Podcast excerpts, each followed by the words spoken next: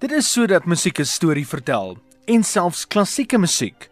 Van die mees bizarre en vreemdste feite vind jy in die klassieke musiekgenre.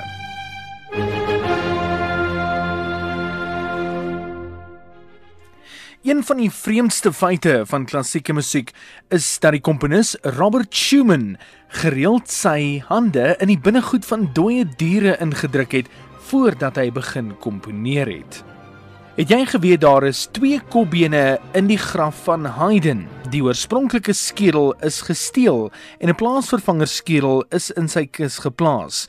In 1954 het die regte skedel sy opwagting gemaak en is teruggeplaas in die kus saam met die plaasvervanger.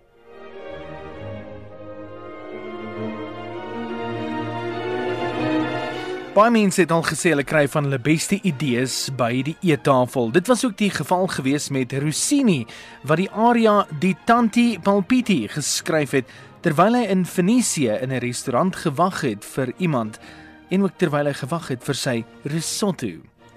Ondersteuners van die Titanic skuif nader. Die Londense Simfonieorkes moes op die Titanic gewees het, maar hulle het op die laaste minuut hulle bespreking verander na 'n ander vaartuig toe. Die bariton Leonard Warren het by die Metropolitan Opera House opgetree in 1960. Hy was besig om Verdi se Die Mag van die Noodlot op te voer en hy het juis gesing To Die a Momentous Thing, toe direk na die sing daarvan dood neergeslaan het. Klassieke musiek het ook al in die ruimte 'n draai gemaak.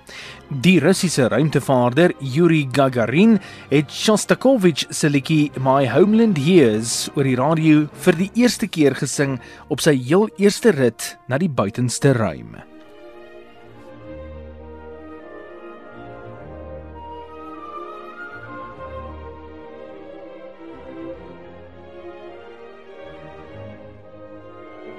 Volgens berigte het Orlando de la Sus so mooi gesing as kind dat hy verskeie kere ontvoer is. En spaar jou bloed vir die ene, die duurste opera kostuum van alle tye is gedra deur Adelina Patti by Covent Garden in 1895. Die rok wat sy aangetree het, is om en by 15 miljoen pond werd gewees in 1895.